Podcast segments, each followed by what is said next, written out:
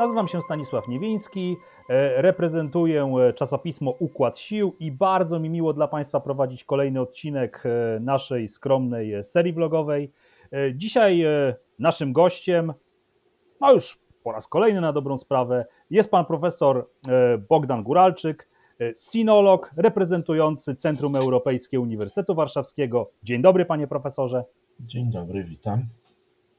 E, tematem, e, który chcielibyśmy dzisiaj poruszyć, e, jest zagadnienie rządów przewodniczącego Xi Jinpinga w Chinach. Tak się akurat składa, że w roku 2022 no mija dokładnie 10 lat, odkąd, odkąd rządzi Chinami. I panie profesorze, no w związku z tym, że mija nam no właściwie dekada rządów przewodniczącego Xi Jinpinga, warto tutaj zapytać, postawił on przed sobą szereg bardzo ambitnych celów. E, czy można powiedzieć, że je zrealizował, a jeśli tak, to w jakim stopniu? No ja myślę, że zacznę od reklamówki w tej sytuacji.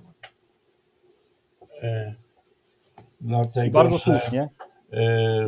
Pod koniec ubiegłego roku ukazała się moja praca domowa przed tym nagraniem. Nowy długi marsz Chiny ery Xi Jinpinga, więc wszystko jest napisane. Xi Jinping rzeczywiście jako mm, sekretarz generalny e, komunistycznej partii doszedł do władzy mm, już nawet mm, będzie teraz 10 lat. E, potem jeszcze został przewodniczącym HRL, to trochę później. No i na 20 zjeździe pod koniec tego roku, daty jeszcze nie znamy, będzie koronowany na cesarza. Rozumiem, że na okres dożywotni, y, ale zobaczymy, bo to jest eksperyment. On odchodzi od tego, co y, zaordynował Chinom y, Ten Xiaoping.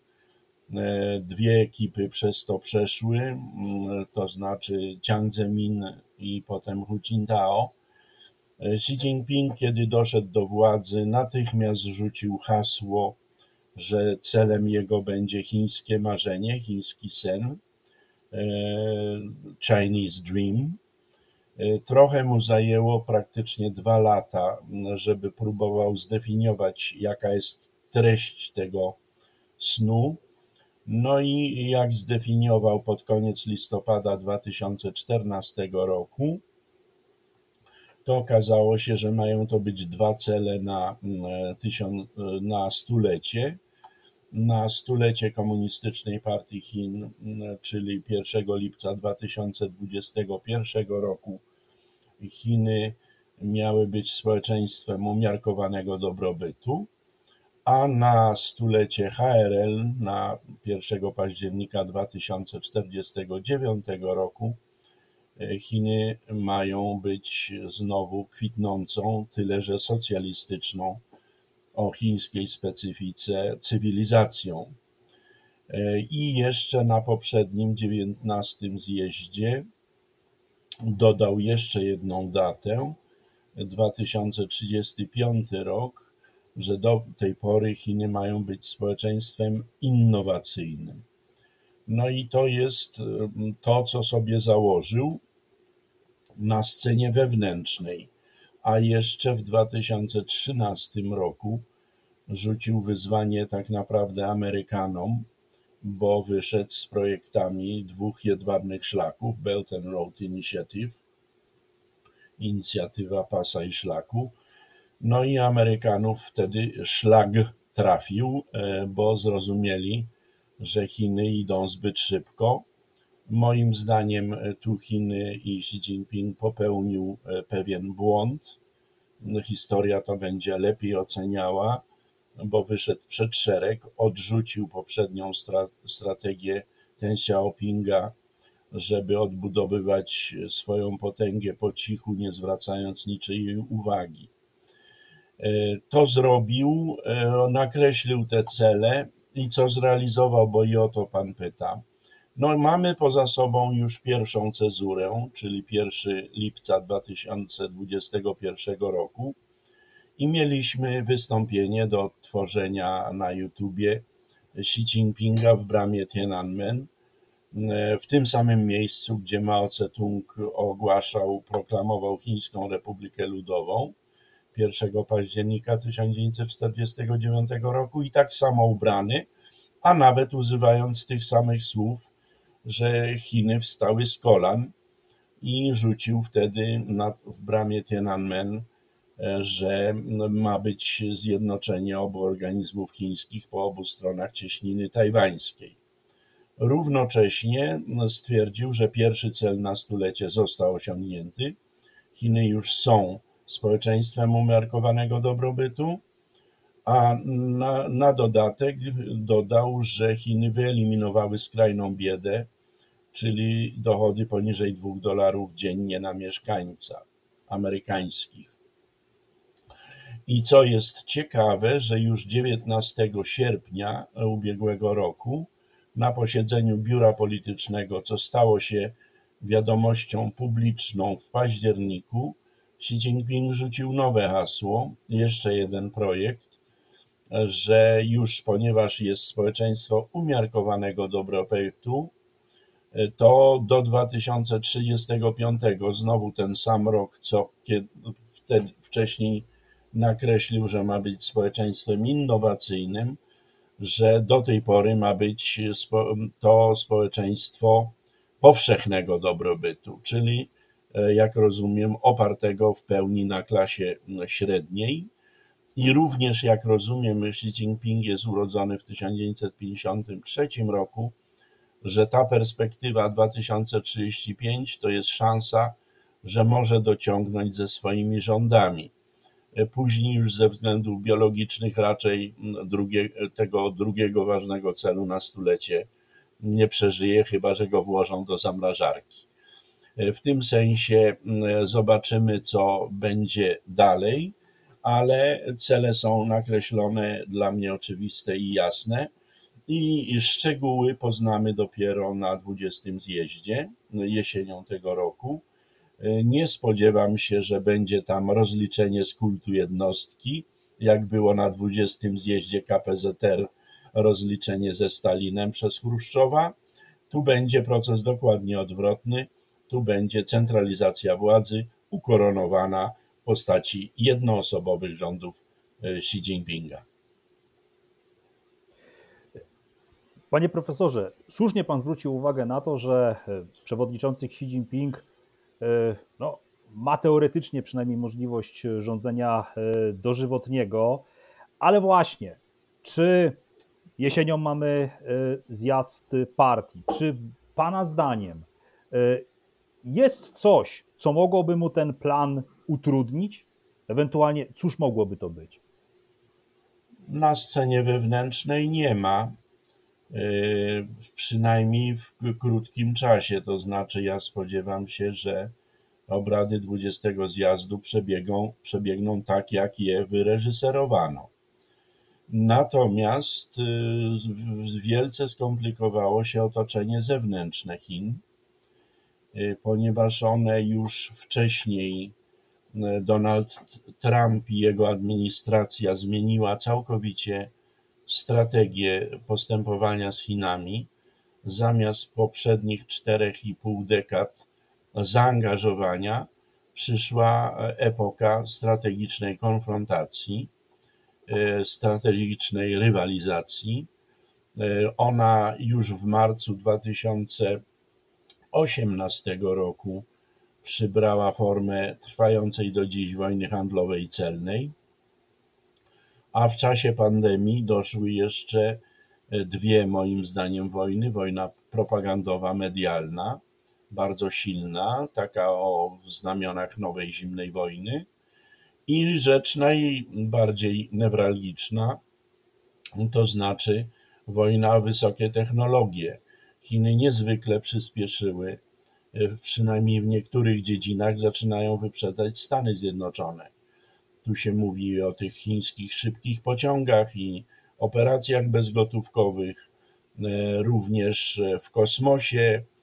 Chiny niezwykle przyspieszyły i mają wymierzalne osiągnięcia.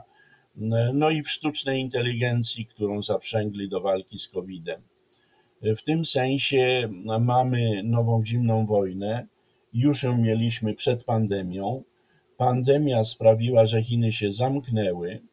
Co prawda, przyjęły nową strategię, o której nie mówiłem. Ona się nazywa podwójnej cyrkulacji, podwójnego obrotu, że ważniejszy jest rynek wewnętrzny, a globalizacja i rynki zewnętrzne są uzupełniające. Tym niemniej Chiny się zamknęły, bardzo trudno dostać do nich wizę. Ja sam w czasie pandemii do Chin nie jeździłem i w tym roku raczej nie wyjadę. Yy, bo jeśli się nawet pojedzie, to trzy tygodnie na własny koszt yy, kwarantanny. W tym sensie musimy czekać, yy, a równocześnie okazało się, że przyjęta tam strategia zero tolerancji dla COVID-u okazała się nieco przeciwskuteczna w chwili, kiedy rozmawiamy. Nawet Szanghaj jest zamykany, jest kwarantanna są puste zupełnie ulice. Wcześniej dotknęło to Hongkong i Shenzhen, e, czyli e, coś tam nie zagrało i na tę nową odmianę wirusa Chiny nie były przygotowane, albo ich szczepionki nie były właściwe, albo jakiś inny popełniono błąd, bo ewidentnie mają największą falę e, COVID-u od wybuchu jego w Wuhan. E, I do, jakby tego wszystkiego było mało, to jeszcze jest kwestia, że e, Władimir Putin chyba nie do końca wszystko powiedział Xi Jinpingowi, kiedy rozmawiali 4 e, lutego bieżącego roku w dniu otwarcia zimowych Igrzysk Olimpijskich, bo Chińczycy najwyraźniej byli skonfudowani, zaambarasowani tym, jak Putin uderzył, jaka była skala i jaka była brutalność tej akcji. No i od tej pory widać wyraźnie, że chińskie elity polityczne i analityczne mają duży problem, jak zdjąć z siebie maskę, którą, czy mówiąc po gombrowiczowsku, gębę przyjaciół Putina, jaką zyskali. Zobaczymy, co z tego wyjdzie. I to są niewątpliwie poważne kłopoty. Na dodatek jeszcze Xi Jinping w ramach tej strategii e, e, powszechnego dobrobytu, e, czy my się widzimy i słyszymy, bo pan mi stanął. Słyszę pana, panie profesorze. A, czyli mnie pan widzi w każdym razie tak, i tak, słyszy. Tak. Dobrze, bo, bo pana mi pański wizerunek jest zamrożony w tej chwili. No I wracając do tej przerwanej narracji, w ramach tej strategii e, dochodzenia do powszechnego dobrobytu, e, Xi Jinping mm, rozpoczął walkę, moim zdaniem, bardzo groźną w konsekwencjach z deweloperami. E, to jest około 1 trzeciej chińskiego PKB, słynna sprawa Evergrande. Ona teraz, jak wszystko, jest przykryta przez wydarzenia na Ukrainie. Tym niemniej on uderzył w bardzo silny sektor i dochodowy, bo Chińczycy w nieruchomościach lokowali swoje oszczędności, czyli to jest potencjalna beczka prochu i beczką prochu drugą jest koniec dywidendy demograficznej, i skutki polityki jednego dziecka. Chińskie społeczeństwo szybko się starzeje, a równocześnie zachwiane zostały proporcje między płciami. Wielu młodych y, Chińczyków nie ma szans na ożenek y, i trzeba coś z tym fantem zrobić, a nowe pokolenie nie chce w ogóle mieć dzieci, nie tylko jednego, ale w ogóle. Innymi słowy, y, jak to zawsze w Chinach, jeśli chodzi o scenę wewnętrzną, to jest tam masę wyzwań. Ja zresztą y, uważam, że największym wyzwaniem, coraz bardziej to zdecydowanie mówię, jest to, że Chiny wróciły do jednoosobowych rządów. Rozmontowały bardzo, moim zdaniem, mądrze przygotowany system zbiorowego cesarza przez ten Xiaopinga, który przecież był ofiarą jednoosobowych rządów i Mao Tse-tunga No i ten syndrom cesarza wraca, a ja mam tutaj swoją twardą mantrę. Na krótką metę rządy autorytarne mogą być skuteczne, y, natomiast na długą metę są y, receptą na katastrofę. Tak mówi historia powszechna i tak mówi historia Chin. Przecież Mao Tse-tung największe błędy popełnił w końcówce życia, najpierw wielki skok, a potem rewolucję kulturalną. Innymi słowy, to jest moim zdaniem największe wyzwanie, a kult jednostki w Chinach coraz bardziej widać. Jeśli tylko się spojrzy na tamtejsze media, to mm, nie ma co do tego żadnych wątpliwości. E, panie profesorze, bardzo dobrze, że poruszył Pan kwestię właśnie jedynowładztwa w Chinach, no i tutaj pewnej współpracy e, chińsko-rosyjskiej.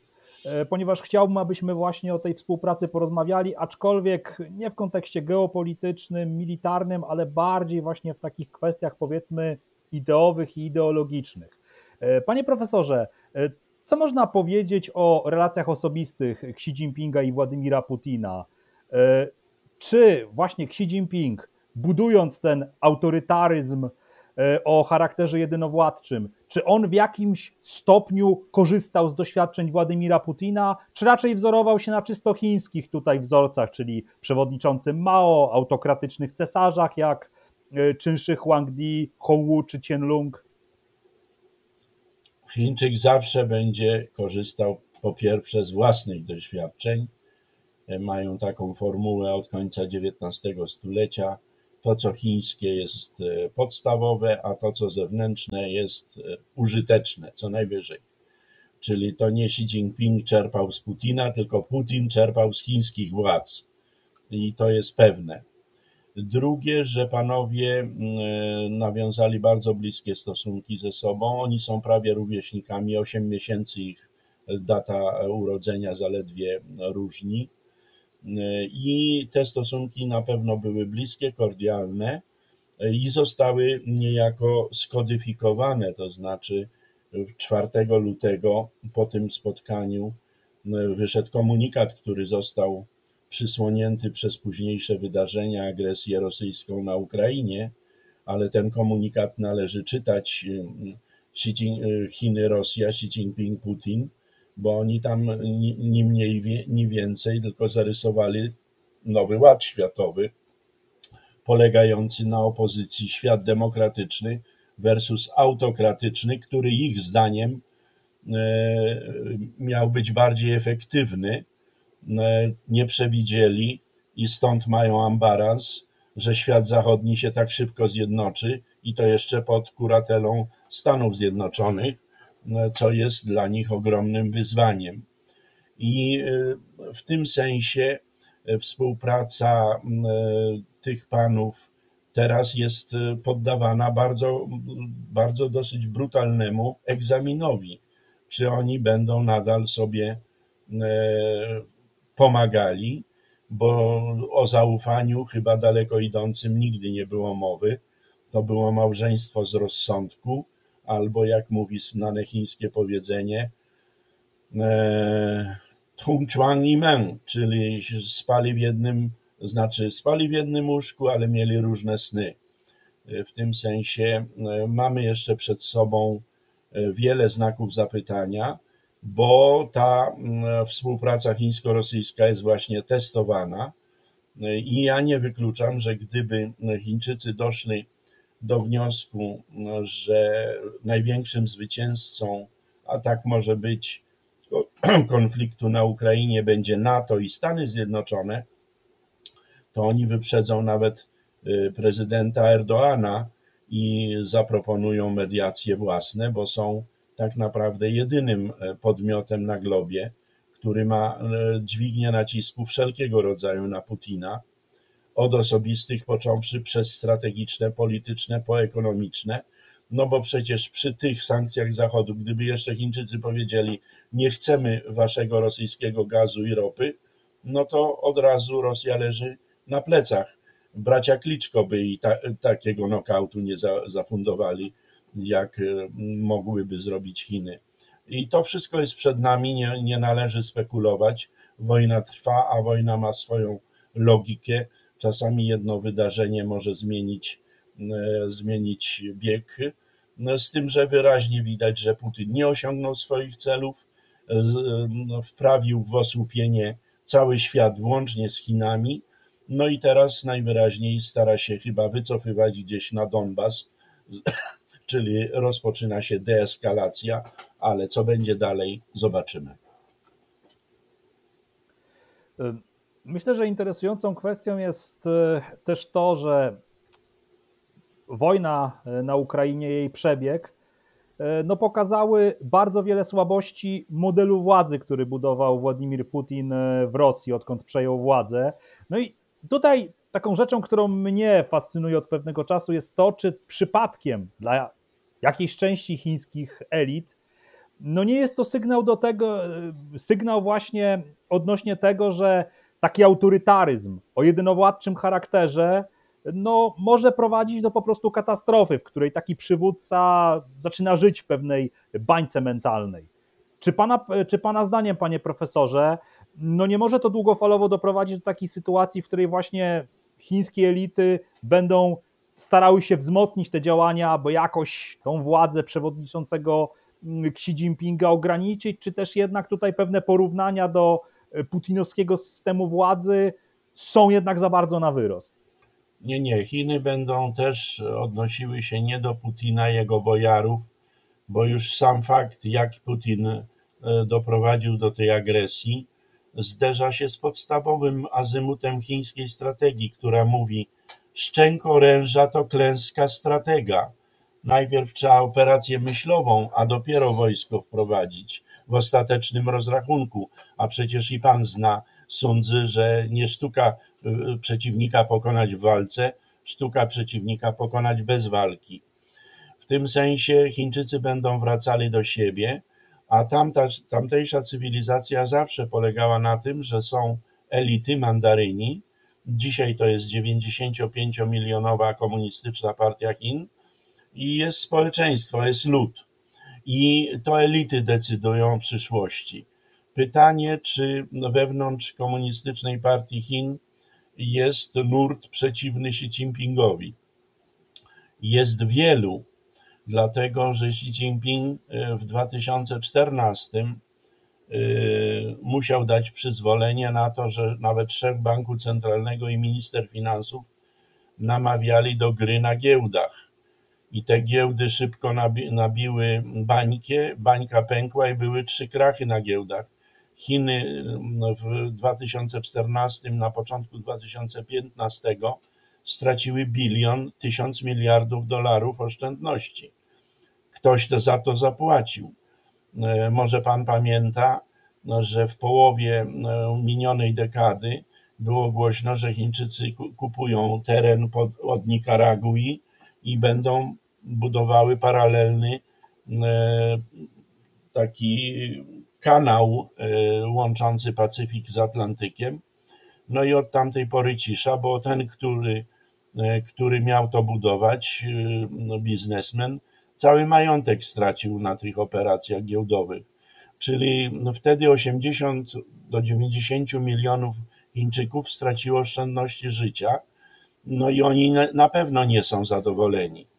Równocześnie no wąskie elity e, decyzyjne e, pamiętają przecież ten Xiaopinga i pamiętają spuściznę Mao Tse-tunga, że największe problemy pojawiają się, kiedy władca się starzeje, dochodzi jeszcze i ten element, że największe błędy można popełnić na stare lata. W tym sensie jakiś ferment może się pojawić, ale ja go na tym etapie nie widzę. To skrzydło bardzo takie pragmatyczne najwyraźniej jest w odwrocie, czego dowodem fakt, że obecny premier Li Keqiang który doszedł do władzy wraz z Xi Jinpingiem y, podczas ostatniej sesji ogólnochińskiego zgromadzenia przedstawicieli ludowych oficjalnie ogłosił, że w przyszłym roku odchodzi, że to jest jego ostatni raport o pracach o stanie rządu. Zresztą jaki raport zawsze, ja przecież jak pan wie, może i państwo też, e, od dekad zajmuje się Chinami, zawsze się czekało na raport premiera o pracach rządu. A w tym roku był krótki raport 50-minutowy, a już następnego dnia Xi Jinping spotkał się z przedstawicielami Mongolii wewnętrznej i już media przykryły całkowicie, już był inny zupełnie przekaz. Czyli ta frakcja pragmatyczna jest w odwrocie. Zobaczymy, jak długo to będzie. Na razie e, rozumiem, że wszyscy scalają się wokół wodza. E, To jest e, leitmotyw tej mojej książki, którą warto przeczytać pod tym kątem bo jednej strony jest wyzwanie ze strony Stanów Zjednoczonych i widmo nowej zimnej wojny, z drugiej e, cel święty Xi Jinpinga. Może powiem tak, jak on e, już zdefiniował te dwa cele na stulecie, to w ramach ich e, wyspecyfikował aż 14 różnych celów w połowie minionej dekady. A w orędziu noworocznym, tegorocznym, był już tylko jeden cel Tajwan. No bo z Hongkongiem sobie władze w Pekinie poradziły e, bez e, w zasadzie wielkich e, protestów ze strony Zachodu, poza medialnymi. No ale teraz po 24 lutego tego roku i po agresji rosyjskiej mamy zupełnie nowe rozdanie, nową jakość i ona stawia pod znakiem zapytania to, na czym Chiny budowały, że my jesteśmy skuteczni, a Zachód jest w fazie schyłkowej i spadkowej. No okazuje się, że nie do końca tak jest i myślę, że da to wielu e, chińskim elitom wiele do myślenia, e, czy droga, którą obrały, niczym Viktor Orban na Węgrzech, czy jest właściwa. Panie profesorze, bardzo dziękuję za poświęcony nam czas. Naszych słuchaczy jak najbardziej zachęcam do y, czytania książek pana profesora, na czele z najnowszą, która jest no, najlepszym na rynku tak naprawdę podsumowaniem. Nieprawda, źle pan mówi, już ich pan w błąd wprowadza. Najnowsza wyszła E, Chodzi o w aktualizację. ubiegłym chińskiego tygodniu. E, Aktualizacja To jest chińskiego aktualizacja, wznowienie książki sprzed 12 lat, Chiński Feniks. Po to to zrobiłem, że 12 lat temu, jak pewne rzeczy mówiłem o Chinach, to mnie do wariatkowa wysyłali. Nikt nie chciał w to wierzyć. I ja chciałbym, żeby nie zignorowano tej książki tak jak tamtej, bo prawdopodobnie coś w tym, co pisze, jednak no, sensownego jest. A jest nowa zimna wojna i o, o prawdziwy wizerunek, taki wyważony Chin będzie coraz trudniej, bo wszystko będziemy e, rozpatrywali e, w, w tej właśnie zimnowojennej retoryce i albo będziemy patrzyli na Chiny jako nowego Frankensteina, albo przyjaciela Putina, albo nowy autorytaryzm czy totalitaryzm. No Wszystko to nie, nie będzie sprzyjające do uczciwego, e, rzeczowego badania tego podmiotu. Warto tutaj e, dodać do tego, co pan profesor mówi, że mm, sobotnia wizyta prezydenta Joe Bidena w Polsce, ta wypowiedź, ona również była kierowana i do Pekinu. Prawdopodobnie. Panie profesorze, jeszcze raz bardzo dziękuję, Dziękuję. za poświęcony nam czas, e, a naszych słuchaczy zapraszam do śledzenia naszych kolejnych materiałów. Bardzo dziękuję za uwagę.